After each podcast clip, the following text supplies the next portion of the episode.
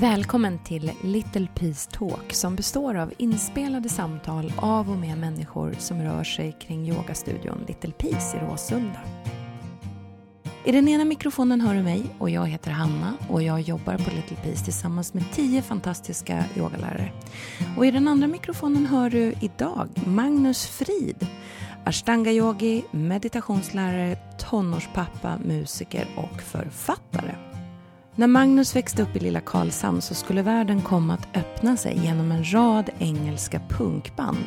Men kanske ännu mer genom familjens tibetanska fosterbarn Karma. Lite hoppiga och splittrade Magnus började tidigt meditera och buddhism och kärleken till Nepal skulle bli ett avgörande nav kring Magnus framtida livsval. Här berättar Magnus om hur nära han var att gå i kloster, hur de akademiska studierna la ett krokben för hans förståelse för meditation och hur 80-talspunken och den rebelliske poeten Bruno K. Öijer faktiskt bidragit till hans andra bok Att vara stilla när allt skyndar. Magnus och jag försöker prata om det som är opratbart, det vill säga om meditation. Vi säger välkommen till Magnus och vi säger välkommen till dig som lyssnar. Hej Magnus! Det är skitkul att du är här. Skitkul att vara här. Jag är som många andra lite förkyld så att jag känner mig som att min röst är lite groggy och hjärnan är lite luddig. Så jag kommer lämna över hela ansvaret för det här samtalet till dig. Okej, ja, bra. jag litar både på din röst och din, din hjärnas briljans.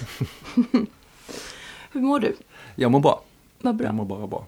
Har du sportlov? Dina barn har sportlov? Eh, Mina barn har sportlov och jag har eh, till hälften sportlov. Jag Mm. under, undervisar ju till vardags både yoga och meditation men den här veckan så har jag väldigt begränsat med eh, klasser. Just Mm. för att jag kände, jag tycker ju, ju äldre man blir eh, så tycker jag att alla de här loven känns så väl uträknade på något Mm. sätt. För jag kände verkligen förra veckan att nu skulle det vara skönt att ha ett litet break Ja. för att liksom hitta eh, ny energi.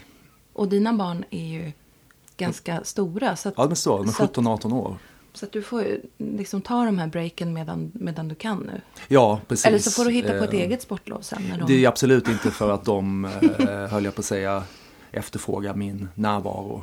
När man har mindre barn så kanske man tycker det känns märkligt eller olustigt och man vä- väger in känslor liksom att, eh, att det inte var behövd och så. Men jag tycker snart det känns väldigt eh, kul, en dynamik som är ytterst naturlig liksom. Och att, det är ju fantastiskt. Alla åldrar har sin charm och jag har njutit av varje ögonblick. Men nu är det ju väldigt fint liksom att man kan både ha ett samtal på en annan nivå och också kan, kan man gå iväg och göra någonting Mm. och man kan bara lämna. om Man vet om att de får maten då och Ja. att eh, saker löser sig. Liksom. Ja. Det kan vara häftigt att se att de, att de har en slags, vad ska man säga, en slags redighet. Och Ja. den kommer ju sällan till uttryck om man inte lämnar dem i fred heller. Precis, så är det ju. Min oro hade varit mycket, mycket större om det hade varit omvänt. Om jag inte hade kunnat lämna mina barn i den åldern. Mm. Ja, och, verkligen. att, eh, och, och att de bara ville vara med mig hela tiden. Eller, eller mig och med mamma eh, Mm. hela tiden. Och också att man inte kände liksom att det fanns en, en längtan till att eh, frigöra sig och klara sig själv och Mm. Allt sånt. Det är ju det det går ut på. Liksom. Ja. Att först hålla lite hårdare och sen släppa taget Ja. successivt. Hur, hur var du när du var i deras ålder? När jag var i deras ålder så eh, då var jag eh, mångt och mycket så var jag en ganska splittrad person.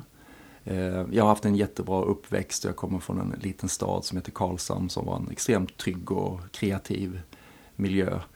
Men som person var jag ändå ganska eh, ogrundad och eh, eh, jäktig och mycket rastlöshet i Mm. mig. Och um, hade um, ganska svag förmåga att uh, vara närvarande på en plats och en väldigt svag liksom, upplevelse av, av dynamiken mellan kropp och själ om man säger Mm. så. Utan jag var mycket uppe i mitt huvud hela tiden. Eh, och det var ju också vid den tiden som jag um, kom in på, på meditation. Inte på yoga, men på meditation. Så eh, jag tänker att allt har sitt skäl. Man tittar ju mycket forskning i meditation så pratar man ju mycket om att det nästan i, nästan i alla fall så finns det eh, nå- någon, någon önskan hos de som kommer till meditation att, eh, att lösa något problem. Mm. Att ändra någonting som skaver lite, som det finns en fiktion i. Nu exponerades jag ju för det här eh, av en tillfällighet via mina eh, föräldrars fadderbarn från Tibet som hälsade på oss vid den här tidpunkten. Men jag tänker ändå att jag var i en, eh, i en tonårsfas där man var mer mottaglig och insåg att vissa saker känns lite problematiska. Mm. Och kanske kan detta vara något som hjälper mig i det. Liksom. Men det känns ändå som en ganska tidig introduktion. Ja, Alltså jo, att, att man i tonåren börjar Ja. känna vad är det som, som pendlar i mig och, och kan det här vara en hjälp? Det finns ju snabbare men absolut inte lika effektiva Jo, ja. Mm. grejer att ta sin tillflykt till. Olika typer av distraktioner Mm. till exempel. Absolut, och det provade jag ju självklart en del olika eh, sådana också. Mm. Liksom.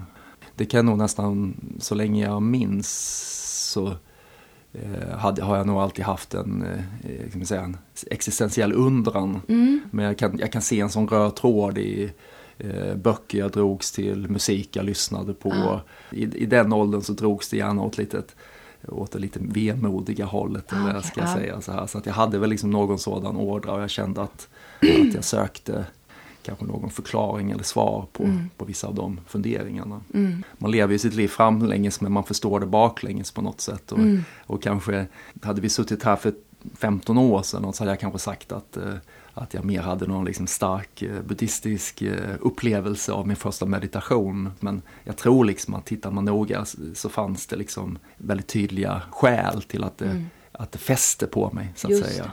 Det tror jag verkligen. Men du och jag pratade ju om det någon gång. Alltså för vissa människor så blir upplevelsen i yogan och meditationen så otroligt mycket starkare. Och jag vet inte om man kan säga det som en sanning, men ju mer undran, ju mer kaos, desto större är ehm, eh, liksom effekten. Vi jämförde våra partners. Och och att, du, att du sa att, att, eh, att din fru kan vara väldigt så här jordad och, Ja. och rätt grundad och Ja. inte alls ha liksom de här stora upplevelserna. Och, Mm. och så kan ju min sambo vara också. Att han säger ja, nej men det var ju skönt att ligga här. Men Mm. jag förstår inte varför folk gråter. Eller det här, det här omvälvande, det känner inte han. För han går liksom runt och är nallepuig Mm. och eh, förnöjsam i tillvaron. Så jag tänker att effekten och upplevelsen kanske också blir större beroende på vad ens utgångspunkt var. Det tror jag är väl uttryckt. Absolut. Man har en upplevelse och sen söker man ett språk för den. Mm. Ett språk kanske som tar form utåt men också ett inre språk. Att för, för att förstå eh, vad, hur, vad ska jag placera de här Mm. upplevelserna jag har på något sätt. Och jag minns tidigt att jag långt före meditationen så blev jag intresserad av eh, poesi. Mm. Också på ett litet sådär som jag, jag kan bli lite överdrivet intensivt sätt. Så jag läste extremt mycket poesi liksom. Jag kommer ihåg att jag läste, jag fastnade för, man får ändå säga tidiga eh, samlingar av Bruno Köje till Ah, exempel. okej, ja. Och eh, en dansk poet som heter Mikael Strunge. Ja. Som var ganska svårmodig. Men jag kommer ihåg att, att eh, jag, jag tyckte det var otroligt behagligt att läsa det. För jag började, började få ord för att beskriva saker som jag hade känt. Mm. Så, så, så man söker väl lite olika saker. Liksom. Och en del kanske inte har mm, samma behov av, Nej. av det, tänker jag. Liksom. Men jag måste bara fråga, det var här kuriosa grej. Du läste Bruno Köjer eller lyssnade du på honom? Ja, både och faktiskt. För det är, det är ju sin egen grej att lyssna. Ja, jag hade faktiskt en, eh, jag blev väldigt tagen av honom måste jag säga. Han Ja. var liksom som en väldigt eh, bra dörröppnare för mig. Eh, eftersom jag eh, alltid varit en stor musikälskare. Mm. Och det är ganska lätt att gå över från så Bob Dylan till Bruno Köje och Ja. så vidare. Då, hans sätt att framföra det. Och jag blev väldigt tagen av hans ord också. Han hade faktiskt spelat in en skiva, en vinylskiva med eh, någon erfaren musiker. Ja. Där han liksom mässar över det här då. Som Ja. jag tyckte var fantastisk. Han, är lite, han är lite knäpp också. Det finns ju något rebelliskt. Och, Ja, väldigt punkigt och rebelliskt. Ja, och- och liksom- Verkligen väldigt tilltalande för mig i den åldern. Ja. det. Och jag tycker fortfarande han hör till de absolut bästa i det här landet. Poesi kan ju vara lite av en stängd dörr. ja. Men jag tycker många av de liksom mer punkiga poeterna eh, de, vad de gjorde liksom, att de öppnade upp, det kunde vara ett väldigt direkt uttryck. Mm. Man kunde verkligen, det behövde inte vara abstrakt och eh, mycket metaforer så, utan man kunde nästan säga direkt vad Ja. man upplevde. Jag tycker han var väldigt bra på. Men du spelade ju musik också, eller hur? Ja, precis. Ja. Jag är uppväxt med, eh, med framförallt punk. Ja. Det var min grej. Ja. I Karlshamn? I Karlshamn, ja. Karlshamn är en, en, en, eh, väldigt bra stad. eh, Och de har en väldigt diger musiktradition. Och hade faktiskt på 80-talet eh, en av Sveriges första musikfestivaler. Aha. De hade en tredagars festival som hette Rockslagsfestivalen. Ah, mm. Simple Minds var där till Mhm, exempel, tidiga mm. Simple Minds. Och, och så vidare. Och då var det väldigt mycket punkband Ah, som kom, för det fanns mycket punkare i Karlsson. okej. Och jag var väldigt liten då. Jag blev inspirerad helt enkelt Ah. av det. Jag gillade allt med det. Så att när jag var, jag kommer inte ihåg, jag tror jag var 12 eller någonting, så fick jag gå på en sån här festival då Ah. och blev helt tagen. Ja, Så sen var jag helt inne i det där, vi gjorde sån här fanzine och Ah. eh, ja, det där känner jag igen. massa olika grejer. Jag känner Så, igen allt det där. Underbart tid, jätteroligt. Det var så här, do it yourself erans liksom. Verkligen. Fixar du håret också? Nej, jag, jag såg ganska, jag såg inte så, så här superpunkig ut Nej. sådär. Jag var nog lite mesig på, på Ja. i den synvinkeln. Ja. Så, men. Men tilltalades av liksom hela uttrycket? Ja, hela kreativiteten tilltalade mig. För att Mm. eh, jag tyckte om allt, liksom att man inte behövde behövde inte gå musikhögskolan för att bilda Nej. ett band. Eh, Du som skrev om vad du kände. Mm. Du startade din egen tidning och du nätverkade med alla andra som gjorde detsamma. Mm. Och ingen gjorde det för vinst. Gjorde du en tidning eller så, så tog man fem spänn för Ja. den. Liksom satte precis stekte potto och så här då. Precis. Och sen sålde vi skivor också, jag och en kompis. Vi hade, tog in skivor från olika band och sen hade vi listor då där man kunde beställa från oss. Så vi hade Wow. som en miniskiva för. Ja. Vi hade ganska mycket på den tiden och vi hade mycket från eh, engelska band. Och, Mm. Jag känner igen så mycket av det här. För jag tilltalades också av punken och vi, Ja. vi hade ett fanzine som hette Harry Blue Tomato Flower. Jag, jag tror inte ens jag har tänkt på det på liksom eh, 35 år. Nej, Ja, nej, det, det, det, länge ploppade upp någonstans liksom. här Ja, bak liksom ja. i, vid hjärnans hårddisk. Så Ja. ploppade den där. Det var vårt fanzine och så hade man liksom någon förälder som kunde kopiera. Exakt, ja, exakt. Precis så var det. kunde ja. man åka dit på kvällarna och så sitta med häftapparat. så.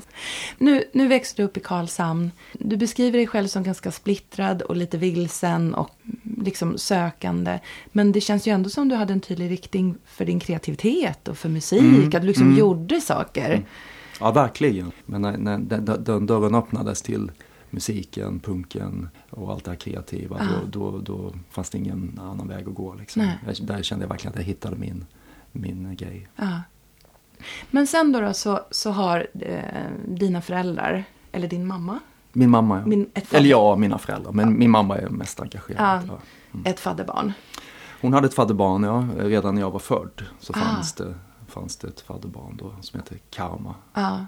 Och i, i tonåren så kommer han och besöker er eller besöker ni honom? Det första mötet med Karma var att han besökte oss.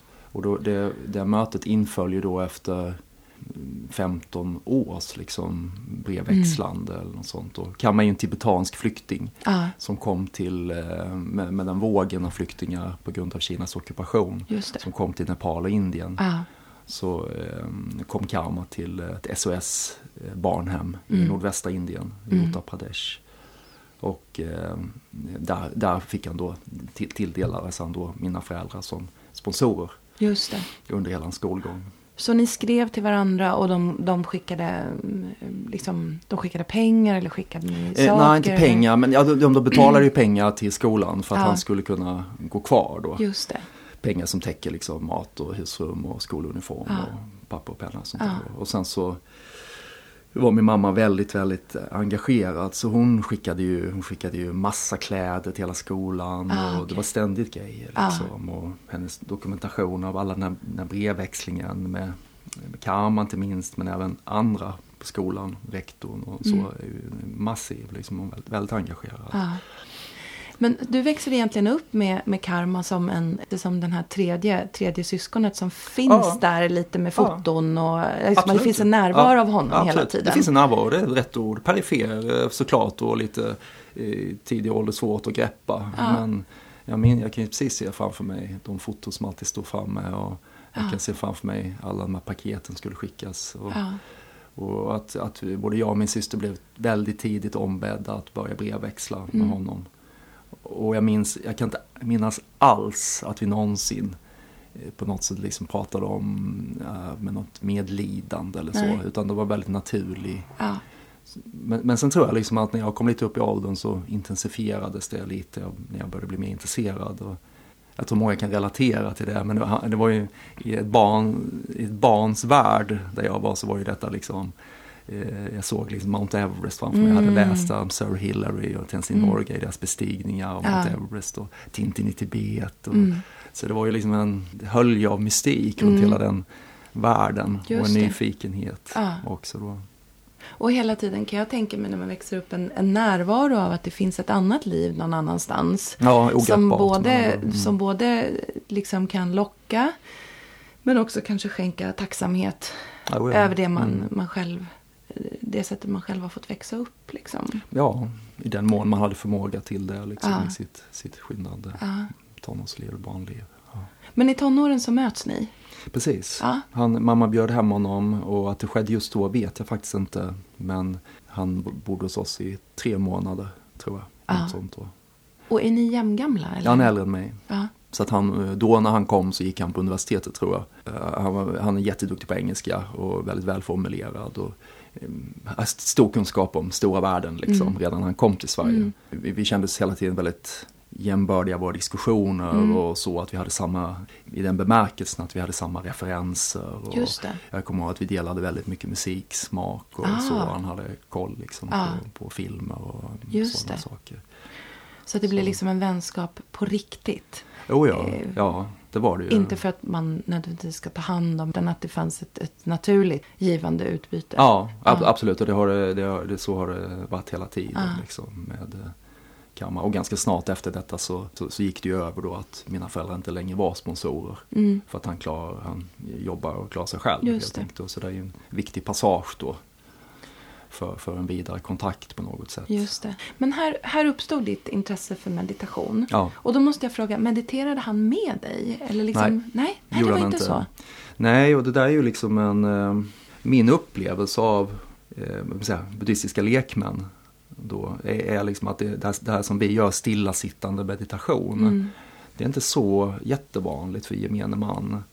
Det är desto vanligare att göra vad ska man säga, meditation in action. Ah. Att du gör eh, mantras, du går till templet, du gör böner, mm. du deltar på olika ceremonier eh, och så vidare. Mm.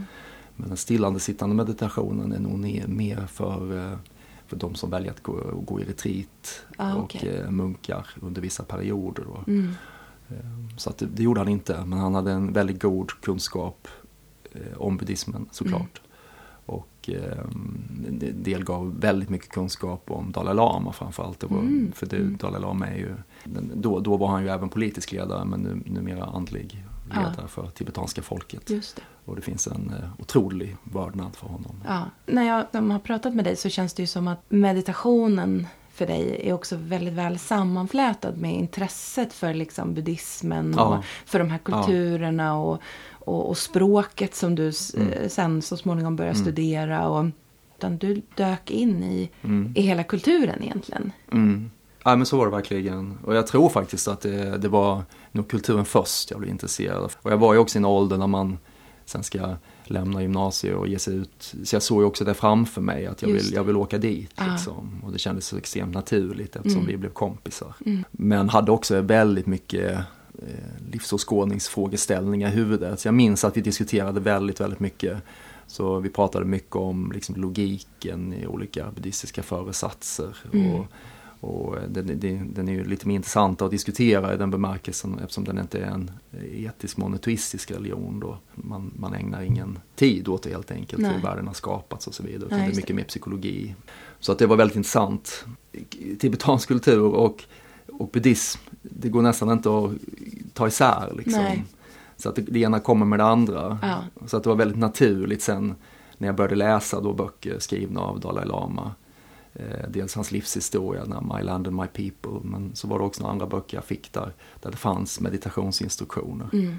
Och där, där försvinner mitt minne lite, jag vet inte hur mina tankar gick. Nej. Men vad jag vet i alla fall är att jag, jag bestämde mig för att prova mm. och, och göra de här instruktionerna. Aha. Då. Och då, det, det, var ju en tid när man kunde liksom inte få några referenser på Youtube eller Nej. något annat. Allt kändes ganska mystifierat. Liksom. Ja. Och det, det var satt tätt ihop med den här tibetanska kulturen. Ja. Men övningarna är, var exakt de samma som de man gör nu om man går på en sekulariserad Mm. mindfulness-kurs. då. Just det.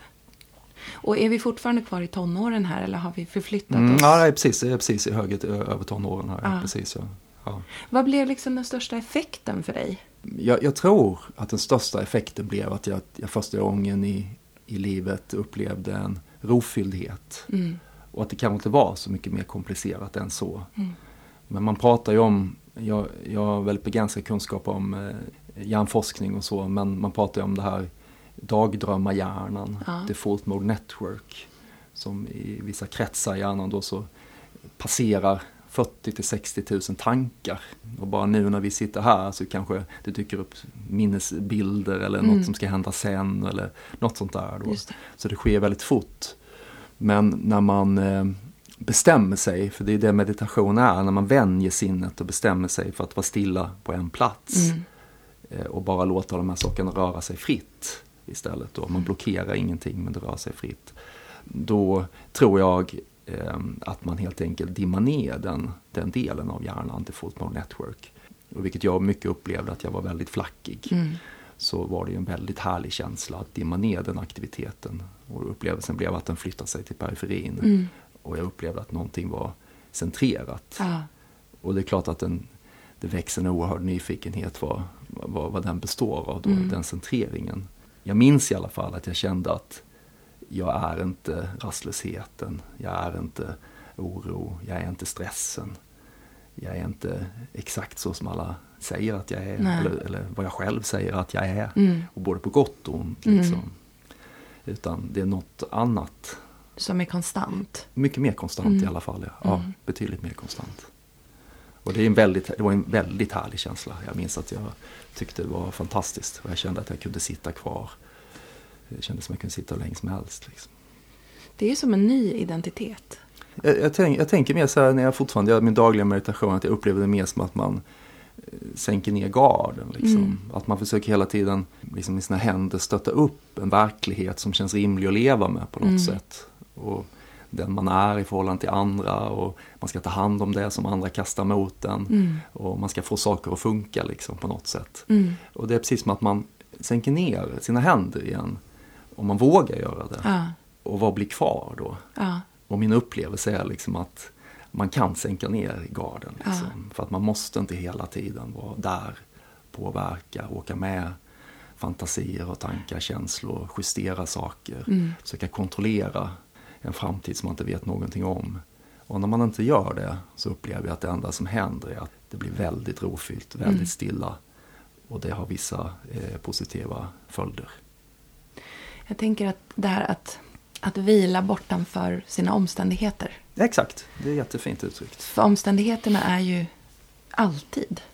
Det är Det ju alltid liksom all, alltid någon som... Eh, någon är arg på någon och någon, liksom Mm. någon, någon, någon betalningspåminnelse har kommit Mm. och, och någon är i djup sorg, förlust, Självklart. liksom skilsmässa. Någon Mm. har förolyckats. Alltså det, eller, Mm. Och det behöver inte bara vara sånt som vi definierar som jobbigt. Utan det kan ju räcka med det kan ju vara roliga saker också, men som Precis. tar vår, vår uppmärksamhet. det. Planering Ja. inför saker som ska ske eller så. Om man tar på sig den buddhistiska hatten då så skulle en buddhist säga att där sker ett litet missförstånd, en förväxling. Mm. Därför att då tänker du så här att bara jag får bort alla de sakerna Mm. så kan livet börja. Mm. Då börjar det här enkla, när det bara går, man Just åker på en rak motorväg. Ja. Liksom. Men missförståndet är att det förra du beskriver, det är livets omständighet, det är en friktion. Ja. Det kan svänga enormt snabbt liksom mellan eh, eh, det du anser då i din subjektivitet Mm. är positivt och det du vill ha mer av Mm. till det negativa. Det är ju Just som att man, man sitter och äter eh, chips eller någonting. Ja. Och det är så gott så du håller på, Ja. du vill bara ha mer liksom. Du vill bara ha mer och mer och du äter och äter. Ja. Och plötsligt svänger det över och du känner Ja. jävlar aldrig. Nej, aldrig du, nästan, du nästan tycker illa om dig själv, Ja. hur du kunde sätta i dig alla de här Just chipsen. det, liksom. Så att en, Mm. eh, kvickt emellan en upplevelse till en annan. Mycket av buddhismens filosofi, eller en av de första insikterna är att förstå att här är eh, vad du än önskar liksom. Mm. Så här har du matchplanen. Liksom. Så är det. Och du kommer alltid ha någon vän som har problem. Du kommer Ja. alltid ha någon som inte tycker som du. Och du kommer alltid att ha eh, lite sorg och massa glädje Ja. och så här liksom. Men hur kan vi navigera där? Ja. Liksom? Jag får, den här, jag får en sån här tecknad bild i huvudet. Det är en sån här gammal Bamse-bild tror jag. Där, eh, där jag tror Bamse sitter på ryggen på Lille Skutt och så har han ett metspö med en morot framför Lille Skutt. Och Lille Skutt bara springer liksom, och vill, vill ta den där eh, moroten som Ja, ju just det. alltid kommer vara på samma distans framför honom. Liksom. Ja, just det. Just det. Det, den, Mm. jag får liksom den, eh, Mm. det här att hela tiden, hela tiden tänka, bara det där kommer undan, bara det där flyttas bort. Mm. Men att det egentligen handlar om att det, det där flödet kommer alltid vara. Sen är det klart att vi, vi får hoppas att livet inte ger oss allt för mycket katastrofer liksom efter Absolut. varandra. För det blir Ja. väldigt tärande. Men, Ja. men det är ju alltid något. Och, och jag menar också att, eh, ja, ja, precis, att det blir tärande och det får, får bli tärande. Mm. Man blir inte immun och du Nej. blir ju inte så här att du blir inte heller liksom att, ja men det kvittar liksom. Mm. Utan det är klart att du, du får känna. Mm. Det är jättesorgligt att förlora någon. Mm. Det är jättetråkigt att bli kritiserad Mm. eller vad det nu kan vara. Liksom. Mm. Så att eh, allt det där får finnas men du tänker inte liksom att eh, jag måste få bort det så livet blir perfekt. Nej. Eller jag måste förändra det liksom. Eller hur, hur kan du... Eller låt mig istället säga så här. Man tänker på den traditionella Buddha då, Siddhartha Gautama. Mm. Han växer upp i ett slott i södra Nepal. Han får inte lämna slottet. Hans föräldrar säger att du ska en dag bli, bli kung här då, i det här kungar, kungariket. Du får allt du pekar på. Du får, du får allt materiellt, allt du önskar. Liksom. Och det, hela dagarna är bara flärd. Liksom. Mm. Och han förstår inte varför får jag inte gå ut, liksom, vad är utanför de här murarna då. Så en dag, så övertalar han någon körkarl att skjutsa ut honom ut i, i verkligheten då, utanför murarna. Och under den här resan, eller de resorna han gjorde där, så ser han en eh, sjuk person, han ser en gammal person, han ser en död person och han ser en, eh, en, en mediterande person. Mm. Och han bara faller ihop helt modfälld, bara, vad är det här för, för någonting? Liksom. Mm. Ni sa ju att livet skulle vara så. Jag ska bli kung, jag ska få allt, jag ska ha det bra hela tiden. Ja. Men det är ju inte sant. För jag måste ju också gå igenom det här. Mm. Jag ska bli sjuk, jag ska bli gammal, jag ska dö. Liksom. Mm. Och då bestämmer han sig för att ägna sitt liv åt att förstå det. Liksom. Mm. Och hans första föresats är då att livet är dukkha. Det vill säga lidande eller friktion. Någonting som skaver så att säga. Mm. Och hur kan vi eliminera det? Eller kan vi förminska upplevelsen av dukkha Mm. då? Mm. Och hans svar blir ju i, sto- i stora drag att eh, se saker så klart som möjligt och förhålla dig till det. Mm. Och han menar då om du i varje ögonblick kan omfamna omständigheten och förhålla dig till den, då kan nirvana uppstå i, i ögonblicket, i detta liv, eftersom man tror på reinkarnation då, Mm. nästa liv. Men, men eh, att det, jag tänker att det där måste vara där här och nu kommer ifrån, liksom att man Mm. kan fånga någonting direkt. Och det är ju liksom att även om inte allt är perfekt och även om det inte är precis som du önskar så kan du välja att Mm. ändå leva det livet som eh, ligger framför dig liksom, Mm. i det ögonblicket. Och då menar han att då, då blir det verkligen levt och då är det nirvana. Du har ju skrivit två böcker. Mm. Viloläge Mm. och Att vara stilla när allt skyndar. De ligger här. Och vad du är väldigt bra på är ju att liksom sätta de här lärorna i en vardaglig situation. Mm. Och jag tänker att mycket av det lidande vi upplever idag kanske till större del handlar om hur många gånger vi återupplever någonting innan det har hänt. Mm. Eller återupplever det efter det har Mm. hänt. Mm. Och jag brukar ibland, ibland när jag undervisar yin-yoga som ju är en otroligt meditativ praktik. Alltså, Verkligen. det är ju verkligen Mm. att ibland, ibland så vill folk, när man har en studio, så vill, vill folk att man ska sätta någon slags nivå på klasserna. Nästan som i en skidbacke. Mm. Liksom. Det, här är en, det här är en svart diamant och det här är en grön. Och, Det är jättekul ju. Svart yoga och röd yoga. ja, precis.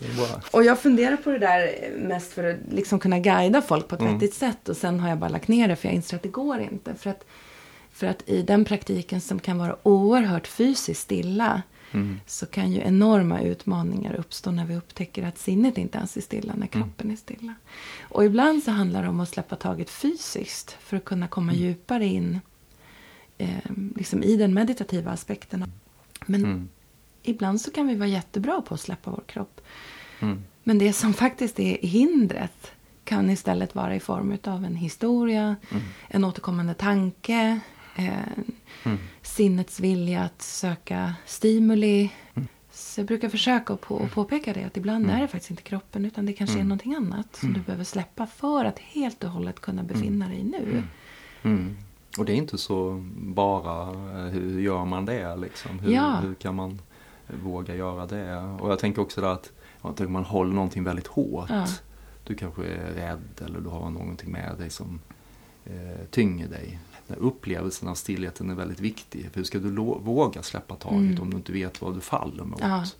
För det är ju lätt att säga för mig då, eller för oss då, att släpp taget. Ja. Liksom, för vi liksom har upplevt det här, den här lugnet liksom, Mm. som yogan och meditationen kan ge. Men, men för en som all, kanske aldrig någonsin har gjort det och kanske har uppnått 50-60 år eller Mm. någonting. Liksom, då har man hållit länge i, Mm. i någonting. Och då tänker jag att man bara successivt måste uppleva vad, är, vad är man har att falla mot. Ja. Och då kan man släppa, tror jag, övertygad om, eh, successivt. Jag, jag kan ibland uppleva att ju mer jag släpper desto mer hållen är jag. Ja, Lite precis. grann som Newtons lag. Mm. Liksom Ja, att, exakt att. Mm. ju större kraft desto, desto större Mm. motkraft på något sätt. Eh, Ja, och, du, mm. och när du faller där, eller när du lutar dig emot det så upplever du nästan vad, vad, vad jag har kämpat. Liksom. Ja. Det, nu, nu kan jag lägga ner stridsyxan lite här Ja. och, och vad, vad naturligt allt känns. Det är lite som den där man gör en sån där övning, man sitter rygg mot rygg med någon. Mm.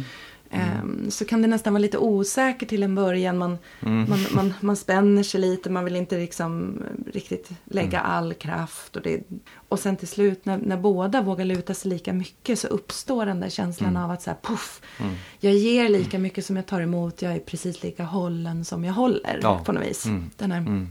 mittpunkten liksom Mm. uppstår. Mm. Men jag Ja, tänker, jag jag tänker vardagslivet sådär med...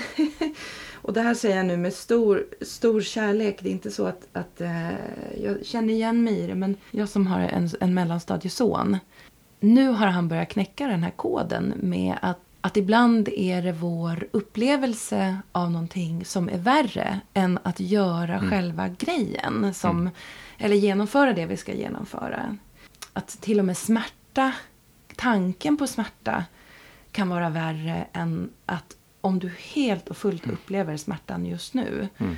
Jag tänker bara en sån enkel grej som att göra sina läxor. Vi hade långa procedurer här där han ylar liksom och det kunde ta timmar liksom att ens sätta sig. Och då brukade jag säga att men alltså all den här tiden du har lagt ner på att tycka att det här är jobbigt, det hade varit gjort. Mm. Det hade varit gjort på tio minuter och så hade du kunnat frigöra den energin Mm. till annat. ja, helt riktigt. Och det där är ju en sån här grej som jag tror att alla håller på med. Mm. Jag har mina saker också. Ja, sådär. jag också. Samla ihop mina kvitton. Ja. Och, och, eh, Mm. Ja, massa saker. Såna där det kan vara ett liksom- samtal, man tycker lite skaver lite eller jobbigt så lägger man det framåt. Ja. Eller vad som helst. Liksom. Det är varje dag. precis. finns såna, eh, händer sådana saker. Ja. Och Jag läste någon eh, artikel om, vi har ju väldigt, väldigt mycket som bekant utbrända Mm. nu. Mm. Och, och att utbrändheten i sig Mm. var en grej. Men det många hade gemensamt var att man inte kunde identifiera sig som en person som hade blivit utbränd. Och att Mm. bära Mm. den ryggsäcken uppe Mm. på den faktiska utbrändheten. Ja, det blir ju en delning mellan ens yttre jag och ens inre jag. Ja. För att även om du kanske djupet, djupet känner då så stämmer det inte med det yttre som du kanske vill vara och andra önskar att du ska vara. Liksom. Precis. Så det blir ju en eh, obalans. Precis. Då- Och att den obalansen var svårare för Mm. många att hantera än, än den faktiska utbrändheten och det man behövde Mm.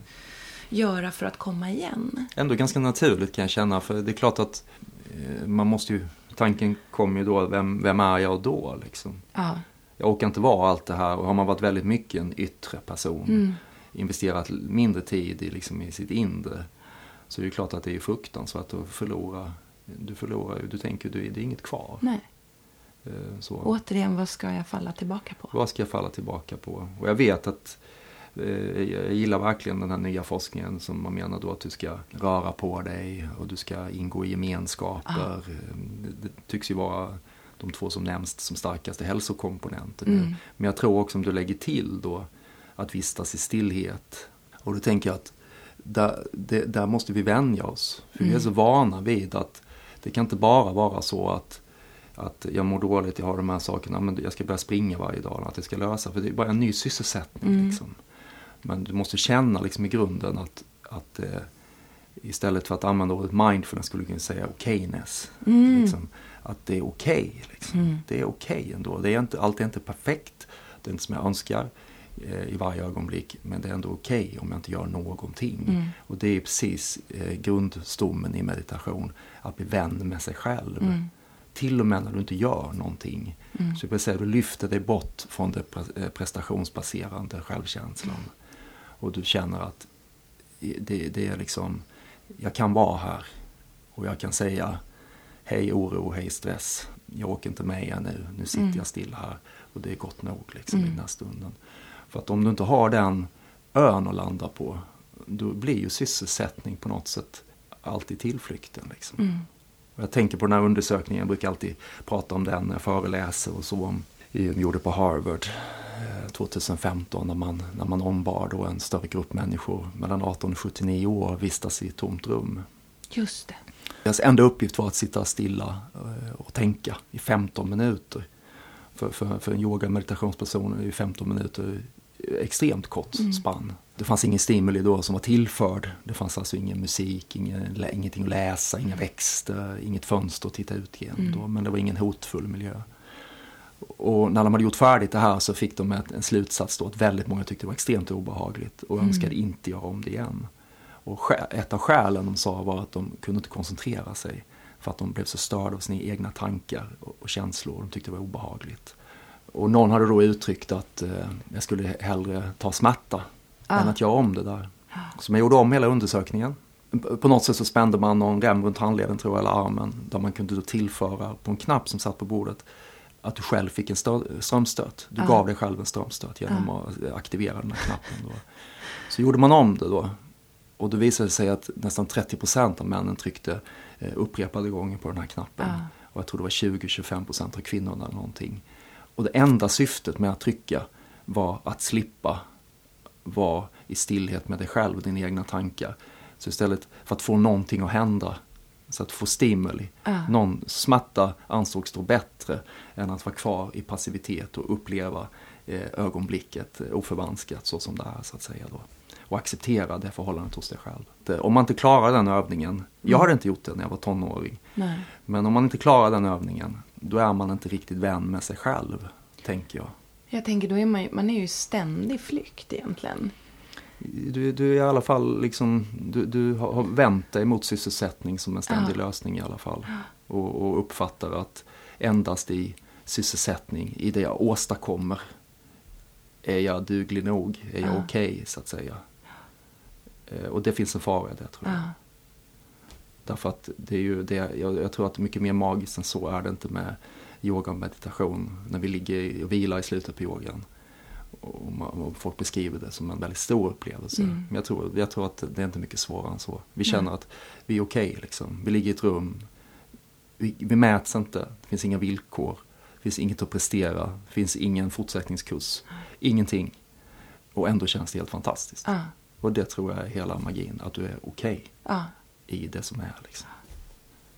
Det där kan man ju märka med många som kommer till yoga för, för, för första gången. Mm.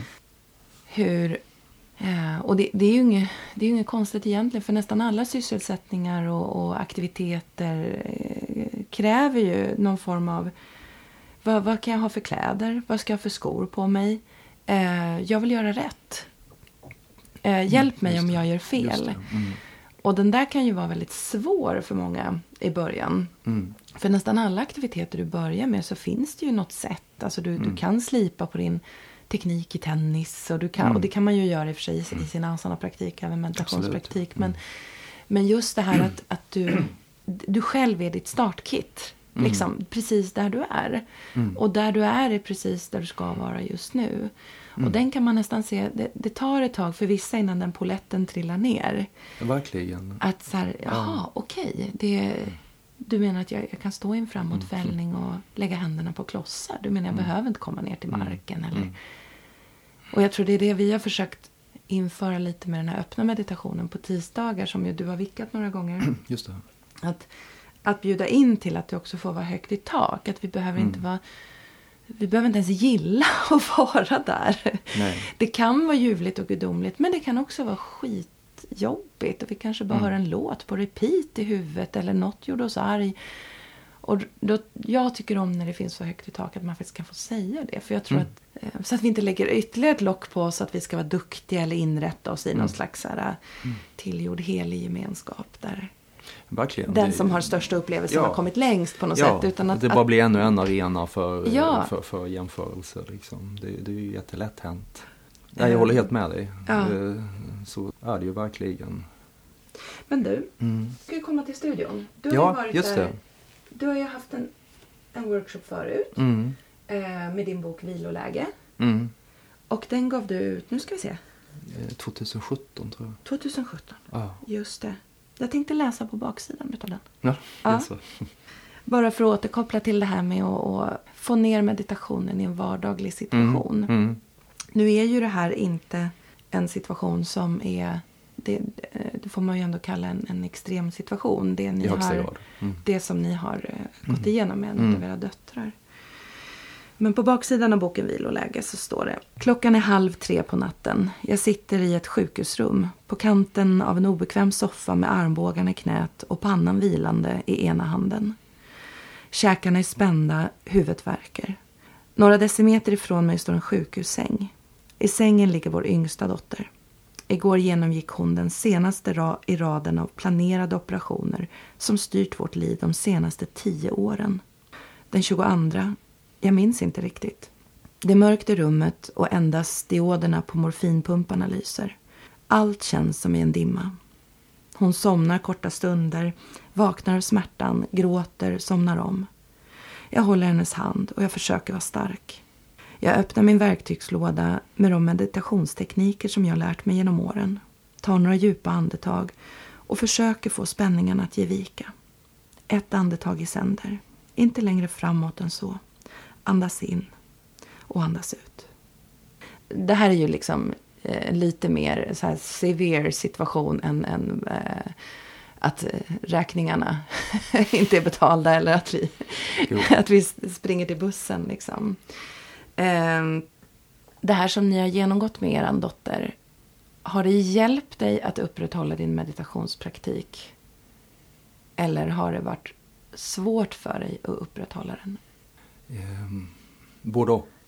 Mm. På det ena sättet så kände ju, eh, vad ska, ska jag säga, för att knyta an till det vi pratade om tidigare. Även jag, även jag fick ju liksom genomgå en, ett kaos, eller vad jag ska säga. Mm. För även mitt inre stämde inte med med det yttre. Liksom. Mm. Jag kände ju också att jag skulle kunna bäras fram av meditationen. Var på ett visst sätt och mina egenskaper som jag har, hur de skulle funka i den här extrema situationen. Mm.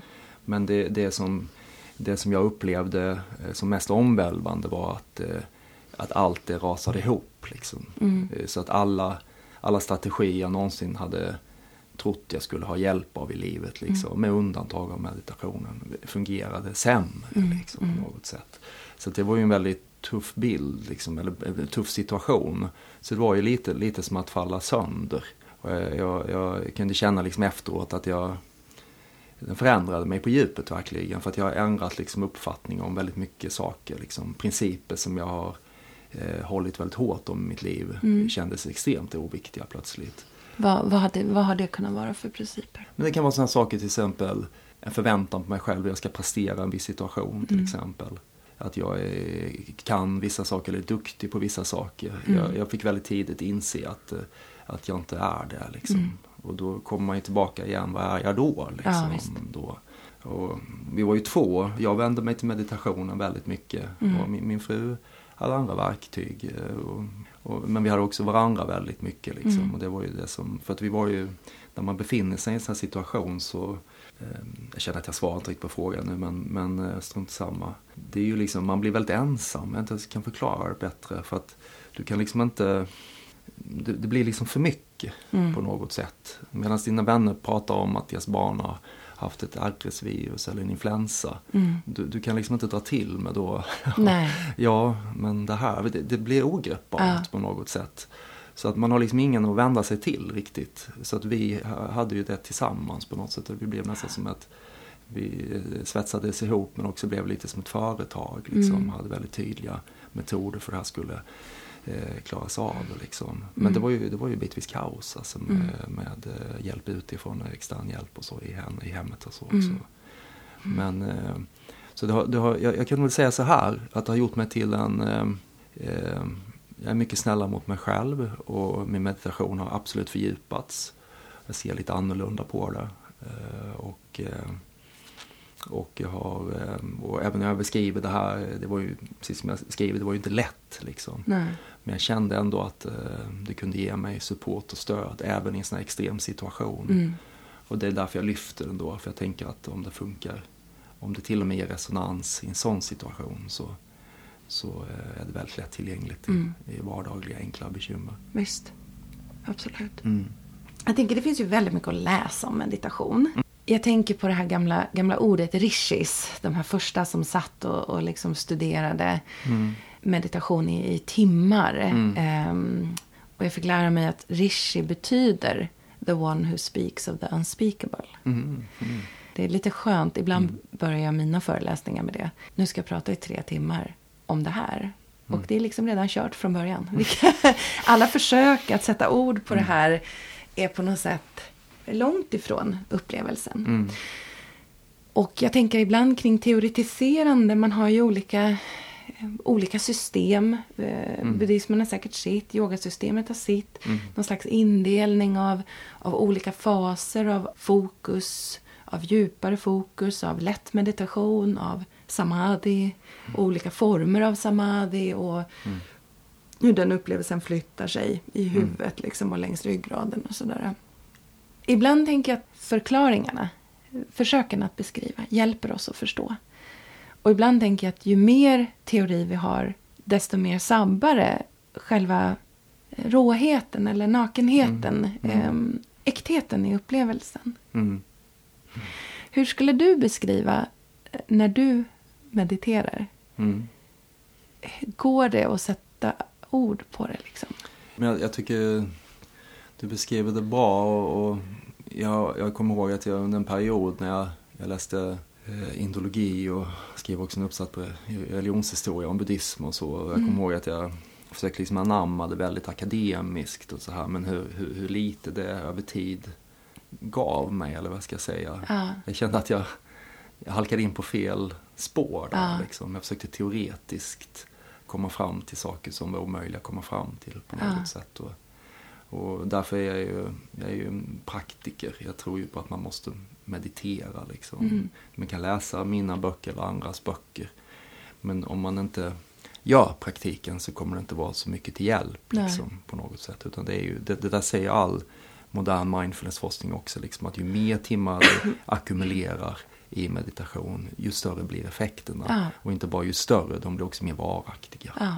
Och till slut blir de till och med som nya egenskaper i dig då. Men då, då pratar vi om 10 000 plus timmar då. Mm. Eh, Men jag kan väl säga så här att eh, och det, är- det är liksom att när jag gör meditation så upplever jag eh, istället för att i koncentration så smalnar man av någonting. Och det är precis som att ta bort världen lite. Mm. Så jag upplever meditation att istället man vidgar Mm. och släpper. Så att eh, när jag gör meditation så upplever jag aldrig att jag blir liksom innesluten. Nej. Utan jag upplever snarare att rummet blir, eh, träder fram Mm. mycket mer. Jag hör, eh, jag kan höra ljud utifrån, jag kan höra mina barn kanske prata på övervåningen. Mm. Jag kan känna liksom temperatur, jag kan känna hur jag sitter mot golvet. Allt finns där. Mm. Men det finns liksom inget eh, tilltal. Det finns den eh, kommenterade hjärnan, den inre dialogen. Det, det är precis som att den blir eh, eh, ordlös eller utan språk på något sätt. Mm. Från det att det liksom kan vara som hagelstormar liksom med tankar och känslor så är det precis som att de rundas av. Jag ska inte säga att liksom allt försvinner, för det gör det inte, men det rundas av och det tar väldigt, mycket, väldigt lite energi från dig. Mm. Utan de ligger liksom lite vid sidan. Och när jag hamnar i den situationen så känner jag mig eh, vän med mig själv Mm. och jag känner mig eh, mer vän med världen. Ibland kan jag lyfta upp eh, saker när jag mediterar som har irriterat mig eller något sådant. Och det får inget fäste i det landskapet Mm. överhuvudtaget. Det är väldigt svårt att underhålla det. Mm. För att du måste ju ge saker eh, som till exempel om du känner dig förorättad eller ilska Mm. eller hat. Du måste ge det näring liksom. Du Just måste det. ge det språk liksom. Att, Han det är borde inte ha gjort sådär. Och han borde veta att Ja. jag känner och, och så vidare. Och kunde, kunde de inte förstå hur jag tänkte. Och det, det är så mycket sådant hela tiden. Men om inte det språket finns där, Nej. då, då landar det liksom som en väldigt kort event i ditt huvud. Liksom. Mm. Och, och, ehm, och med det sagt så menar jag inte att man ska vara liksom evigt förlåtande mot allting. Men just i det ögonblicket Ja. så känner jag att det mesta är i, i eh, fred. Liksom. Mm. Och jag känner att det, det känns tillräckligt bra för mig. Eller vad ska jag säga. Mm. Jag, jag är nöjd eh, med livet som det är då. Liksom. Och jag känner också att jag... Okayness, ja. Ja. Och jag känner att jag har liksom... Jag känner att jag tar vara på den stunden. För jag kan ju framkalla rofylldheten då med de här eh, verktygen. Men vad som växer ur det allra mest naturligt tycks i alla fall från mitt perspektiv vara egenskaper som medkänsla mot dig själv och andra. Eh, medkänsla för dina egna brister och medkänsla för omgivningens eh, brister. Mm. Och eh, tacksamhet. Mm. Väldigt lätt att känna tacksamhet för det du har. Du slutar sträcka ut handen och greppa efter det som är längre bort, den här moroten. Liksom. Mm. Du, så du vilar lite, du vilar från strävan liksom, Ja. kan man säga. Du får ett andrum från strävan. Men vi får ju ibland den här frågan, det får säkert du också. Mm. Ska vi acceptera vad som helst för att kunna sitta i, i stillhet? Jag vet inte om den här hjälper, men jag brukar jämföra lite grann med att effekten av meditationen behöver inte betyda att vi eh, skriver under eller går med på någon annan Absolut människas inte. handlingar. Och jag skulle nog snarare säga att, att vi får tillgång till mer en känsla hur vi kan agera i en situation Mm. än att reagera. Mm. Men att agerandet kan vara viktigt och gränsdragning kan vara viktigt. Och att även verkligen ta avstånd från sånt som vi inte vill Mm. göra. Men att däremot kan vi förlika oss med att det här hände mig. Sen att vi inte gillar att det hände oss. eller, Mm. eller att det kanske till och med är saker som vi gemensamt i det här landet har satt upp lagar för att Mm. så här får man inte göra. Mm. Det är liksom en annan grej. Jag brukar se det lite som att vi, när man spelar kort och så får man liksom sin hand med kort. Mm. Och så har man liksom, man har några höga bra kort och så har man några liksom skitkort. Mm. Och, så, och så var det här, det här var liksom de korten jag fick. Mm. Mm. Och det, det här var de sakerna jag, Mm. jag, jag fick dela med liksom, i mitt liv. Mm. Ehm, jag vet inte om den... den Jo, jag tycker den, det stämmer tycker jag. Sen, sen kanske, vad ska jag säga, skillnaden mot, mot kortleken är ju då att eh, sen börjar du, Du giv. sen börjar du spela för att lösa problemet Ja, med din giv. då. Mm. Men, men eh, i meditation så sitter du inte ner för att lösa problem. Eh, utan att hela grejen är att, att sitta eh, med sig själv i en sån rofylldhet, alltså man brukar kalla det för stabilitet eller jämnmod. Ja, Sen ska man ha respekt tycker jag för att vissa saker kan vara extremt, extremt tuffa. ja, ja absolut. Men, men absolut att sitta. Men man Mm. söker aldrig efter enkom positiva upplevelser. En, en meditation där du bara upplever motstånd. Det, det, det kan du inte säga då att det där var en dålig meditation. Utan det var också en meditation. Precis. Så det var ännu en övning då. Ja. Och jag lovar att det kommer att eh, stärka dig. Liksom. Mm. Och det kommer att make sense i den stora bilden. Ja. I, din, I din praktik då. Det är inte som, det är inte som liksom att ja, idag gick det bra i när, när jag lyfte mitt gamla meditationsrekord. Alltså det, det, den jämförelsen är uteblir. Jag, jag, jag kan helt ärligt säga att jag minns inga särskilda meditationer. Nej. Jag har ingen aning. Jag kan inte säga att eh, när vi bodde där i Älvsjö, då minsann hade jag en bra meditationsperiod. Det, det, det är något jag gör liksom Ja. hela tiden. Och det är ingen, det är ingen eh, uppoffring. Utan Nej. jag vill göra det. Liksom. Ja. Jag, jag behöver det. Det är lite som att ta tempen, tänker jag. Ja, att man liksom man checkar dagsformen. Mm. Och, Mm. och ibland, är det, ibland är det rörigt. Och då fick man reda på det. Liksom. Att idag var det... Ja, gud, det var väldigt aktivt idag. Mm. Men fördelen med det är ju också att vi kan förstå mot vilket bakgrundsljud vi lever vårt liv. Ja. Eh, har vi suttit där och vet att idag Idag är det väldigt mycket som pockar på uppmärksamhet så kanske vi kan förhålla oss annorlunda till oss själva och vår Mm. omvärld och de val vi gör just den dagen. Mm. Ja, precis. Mm. Precis så. Och det är ju också... Yoga kan ju göra det lite komplext i den bilden ibland. Därför Mm. att då finns det ändå liksom en fysisk kropp som vi, Mm. som vi plötsligt då kan mäta. Har du sett Hanna på Little Peace när hon står på händer? Det är Mm. verkligen en perfekt linjering. Liksom. Vi kan bedöma det liksom, på ett det. annat sätt. Ja. Då, och ingen vet ju vad som händer i ditt huvud Nej, den stunden. Då. nej, Kanske en total ångest. Liksom. precis. Ja, för att du har kämpat så hårt för att gå upp på händer så länge och satt det som ett mål att eh, klarar jag inte det så, så, så, eh, så är jag inte... Det var nytt för mig i, när jag kom in i yogavärlden Ja. eh, faktiskt. För du kom från meditationen Ja. in i asanas. Ja, långt Liksom, senare. mm. Långt, långt senare. Mm. Jag, jag var ju med liksom mer i buddhistsamfund och, Ja. och hade mm, den kontexten då. Just det. Ehm, och, och jag, jag kan aldrig minnas att man liksom pratade om varandras praktik eller så. Nej, Inte särskilt alls. som man gjorde i yogan. Yogan är ju mycket mer, vil- vilken form gör du? Mm. Eh, Vilken, visst, det finns motsättningar i buddhismen också mellan riktningar och så, Mm. men, men i, när man är i kontexten så upplevde jag aldrig att eh, de diskussionerna uppstod riktigt. Nej. Eh, Men i yogan kan det mer vara då hur långt och hur, ofta gör du det? Och, just det. eh, Gör man ashtanga yoga, vilken serie är du i? Och Att det, det, det, fin- det finns mer av den, eh, den, den yttre världen är mer påtagbar. Just jag, liksom. Men å andra sidan minns jag, eh, rätta mig om jag har fel, att du upplevde också en stor skillnad mellan att ha varit i, i buddhistiska samfund Mm. mot att sen röra dig mot ett yoga-community. Mm. Jag upplevde att det fanns en eh, lättare energi i eh, yogavärlden, Mm. om jag säger så. Liksom. Mm. Det, det kanske fanns en lite mer eh, problemlösningsorientering i, Mm. i eh, buddhismen, om jag uttrycker det så. Mm. Och om vi bara hoppar tillbaka, nu blir det lite så här hopp, hopp i Mm. ditt liv. Men du, Mm. du, du reste ju till Nepal, eller hur? Precis, några år efter Kam hade varit hos oss, vi, Ja. där och då när han var hos oss bestämde vi att jag ska komma över när jag slutat skolan Just sen. Då. Så, att, så det gjorde jag då. Då bodde han i Indien men flyttade till Nepal. Mm. Eh, un, un, faktiskt under den resan flyttade han till Nepal. Så, att, så vi var i Indien och Nepal. Och, och, och då blev det liksom eh, Ja, ja, ja, det, var, det var nästan det som kretsade i mitt huvud un- under väldigt lång tid. Att nästa resa jag skulle åka dit och så och planerade. Och så. Just det. Som tur väl hade jag eh, min kärlek hemma då, min nuvarande fru. Vi Ja. var tillsammans redan då. Ja. Annars hade jag nog kunnat fastna på något berg där, tror du det? Ja, det tror jag. Absolut. Jag Ja. gick i sådana tankar. Absolut. Ja. Att jag ville vara där liksom länge. Så. Alltså, att ta steget och bli munk och så, det, det fanns en absolut en attraktion. Mm. För det var liksom på något sätt att verkligen ta klivet in, att eh, lära sig det här till full. Och, och jag hade ju ett sikte ställt att jag ville lära mig språket och Ja. filosofin och göra retreat och sådana saker. Just liksom, och vara i den miljön då. Ja. Den var ju extremt engagerande och är fortfarande.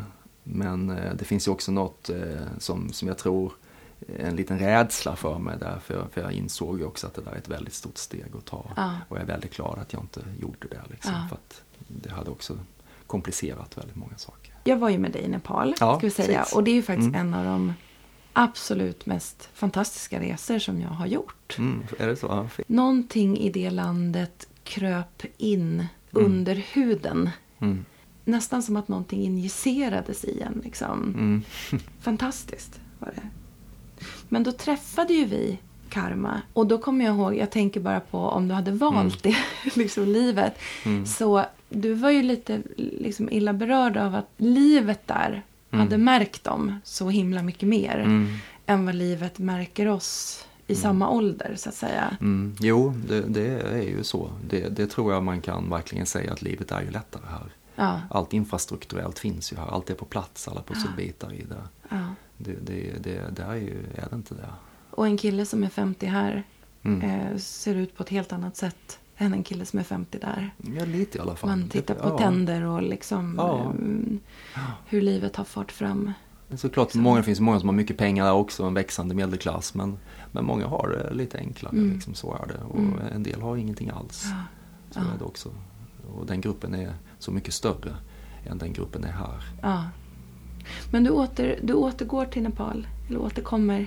Ja, jag har varit där många gånger nu. Ja. Så under hela den tiden så åkte jag ju nästan varje år. Och då åkte jag ju alltid för att hälsa på Karma. Så jag var ju, jag var ju en väldigt, eh, det är väl också lite typiskt mig, väldigt enkelspårig. Så jag hade ju inga planer på att åka Samma till. sak. Ja, jag var inte ett dugg intresserad av att se Burma eller eh, Kina eller någonting. Jag ville till Nepal kort och gott. Liksom. Ja. Så, så har en väldigt begränsad så här, resedagbok kan man Ja. säga. Så, så. Ett land. Ja, typ, typ Indien också såklart. Men, Ja. eh, eh, så jag åkte ju dit om och om igen och parallellt läste jag ju då på universitetet och rörde mig Mm. i de här ämnena då.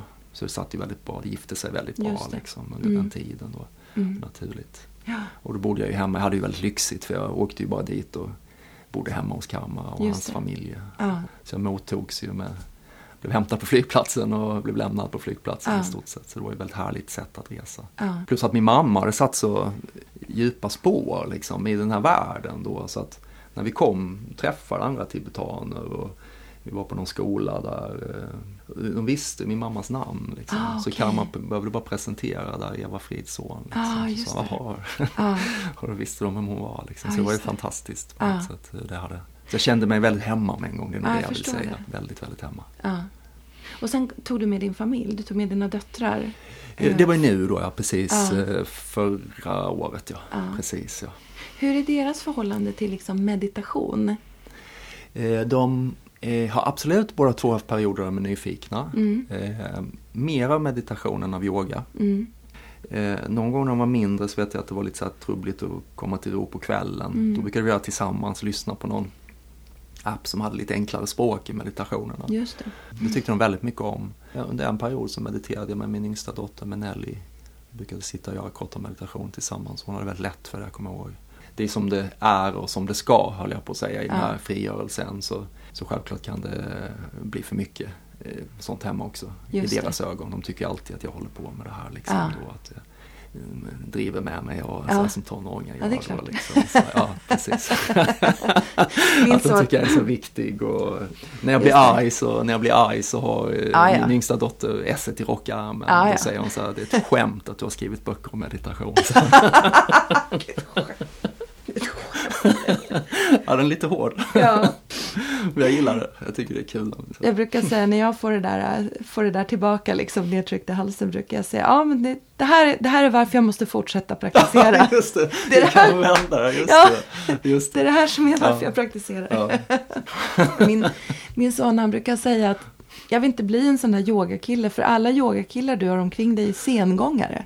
Han, han tycker om, ja, han tycker Ja, om prata Ja, långsamt och är så här. Han, han bara, jag är mer action. Ja. Men ehm, jag, jag ställde samma fråga, eh, jag ställde frågan till Govind, som, eh, Govind Radhakrishnan som kommer till Mm, oss. Eh, mm. Vi är så glada att han väljer att komma till Little Peace. Och han är ju indier och spenderar halva sin tid i Indien och halva sin tid i Danmark där han har sin Mhm. fru och sina barn. Och då frågade jag honom, hur gör du med din eh, praktik? För han gör ju puja och sånt, Mm. liksom, Mm. alltså eldceremoni och så på morgnarna.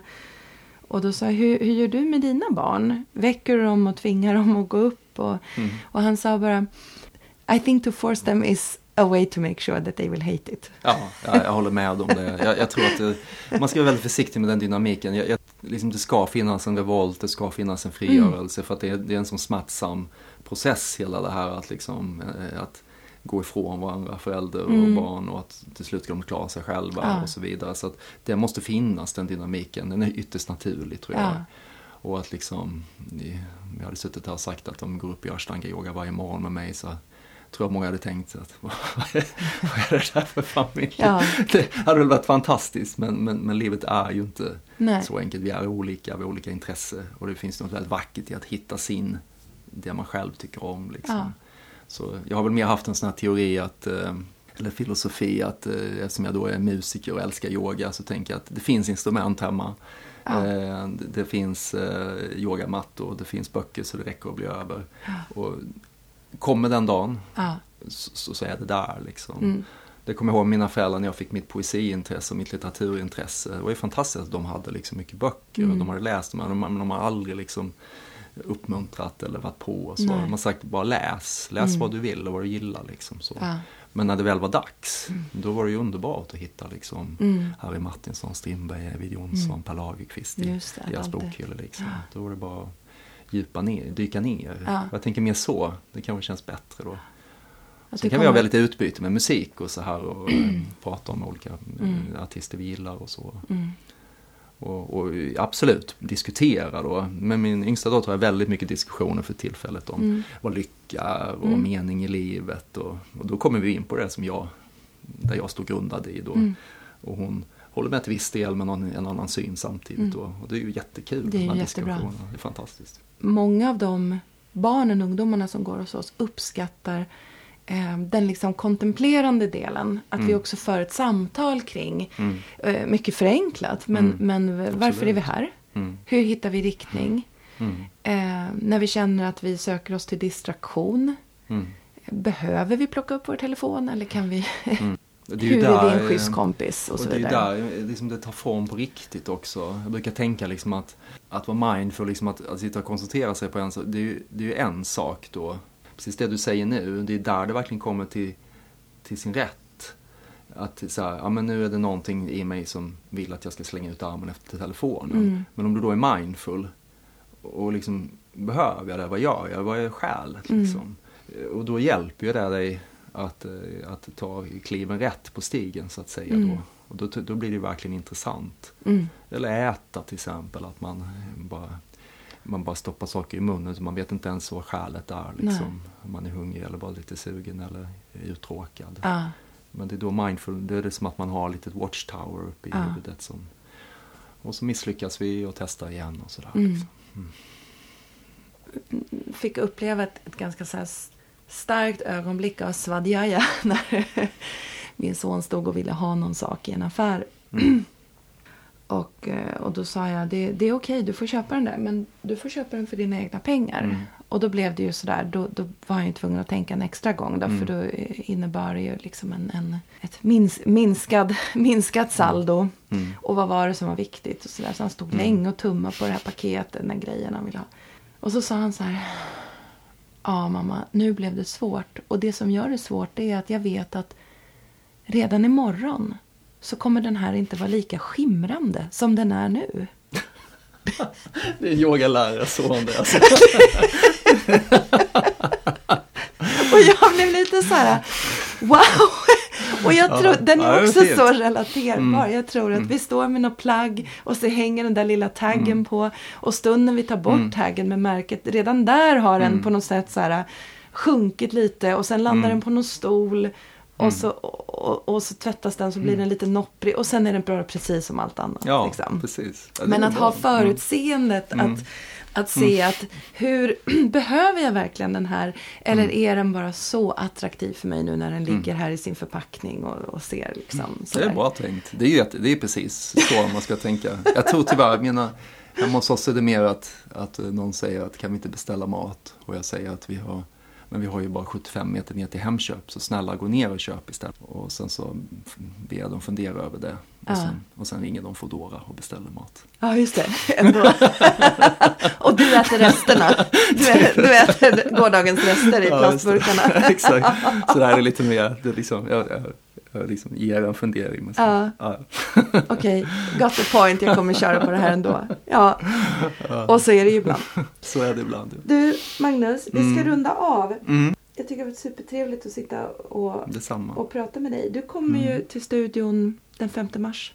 Ja, precis. Och det kommer bli en, en workshop kring din andra bok. Ja, precis. Att vara stilla när allt skyndar. Mm. Apropå det här med formulering så vill jag ju Mm. säga att du har ju levlat upp ditt språk. Jag tycker den är så så himla fint skriven. Det är märkligt livet på något sätt när vi pratat om så mycket men det är ju återigen att saker kommer igen eller saker som man kanske trodde var meningslösa eller inte Mm. skulle ge någon nytta. Jag har ju öst väldigt mycket från mitt eh, poesiläsande i, och så just i den här boken. Och Ja. det tror jag inte jag vågade släppa upp innan för jag visste inte om det hade bärkraft. Och, så det kom väldigt lätt allt det där. Ja. Det liksom, Så att, det här har vi pratat om. Så, Mm. eh, när jag säger levla upp så är det snarare att du har, har använt ett uttryckssätt som har eh, egentligen varit mer förankrat i dig tidigare. Lite kanske. Ja. Ja, men både och som det är väl. Och sen är det min andra bok så jag visste ju lite mer hur man kanske ska tänka. Eh, Så jag skrev ju mycket mer text i första boken. Mm. eh, Som man sen sk- skalade bort. Medan här är det ganska, ganska lite bortdrag utan det är ganska, ganska mycket den texten som var liksom. Ja. Och den här består ju utav olika kapitel, nästan som små olika essäer som, som Mm. kan läsas oberoende av varandra. Man kan Absolut. egentligen öppna den Mm. var som helst och läsa. Mm. Och det är otroligt fint formgiven. Och kommer man på din workshop där Mm. vi kommer Berätta, vad är det vi ska göra? Vi ska, kommer det, det blir lite asana-praktik va? Eh, Jag tror så, men det blir absolut eh, fokus på det, det mer eh, stillavarande. Vi ska liksom nå fram till rofylldhet och stillhet i Mm. slutet på klassen liksom, på något sätt och vis. Men det brukar funka. Det brukar funka. okej. Ja. Och så får man ett ex av boken. Så får man ett extra boken också. Och det är ju Ja, jätteschysst. precis. Jag har, jag har citerat dig. Ja, vad fint. Faktiskt. Ja, det är fantastiskt. Får jag läsa det som ja, jag tycker är så fint? Mm. I samma ögonblick som den mediterande går in i stillhetszonen så blir det tunga lätt, det högt flygande grunda till marken. Varje utmaning och motgång rimlig. Och jag tror ibland att jag vidrörs av något som är helt och klart lysande. Som kärlek. Det är inte så jädra illa av en, en eh, gammal punkare. Det, jag tycker jättemycket om att höra när du läser det. Så Ja. jag, har jag har lite så här, jag, jag vet inte, jag hör mig själv, jag bara hör en dialekt och så. Ah, det är Ah, det fint att höra det dig din- läsa det. Nej, jag fattar, det var blir en jättefint. annan- Ja, jättefint. Ja, det där, jag tycker det är en otroligt fin, fin sammanfattning. Mm. eh, i det här där vi famlar och försöker eh, prata Mm. om det opratbara eller eh, sätta ord på det ogreppbara. Ja, vad. Ja. Vad bra. Tack så mycket. Tack så mycket. Tack så mycket Magnus. Tack. Tack. Varenda gång jag träffar Magnus så känns det som vi precis börjat prata när det är dags att säga hej då. Här finns både humor och djup, en vurm för ordets betydelse, men också enkelheten. Och naturligtvis vårt gemensamma intresse för praktiken och för de här frågorna. Jag gillar Magnus och jag tror att väldigt många gillar Magnus. Och vill du lära känna honom bättre och kanske också ha ett ex av boken så norpa en av platserna till hans workshop den 5 mars på Little Peace Yoga. Tills dess och in i evigheten, stor kärlek.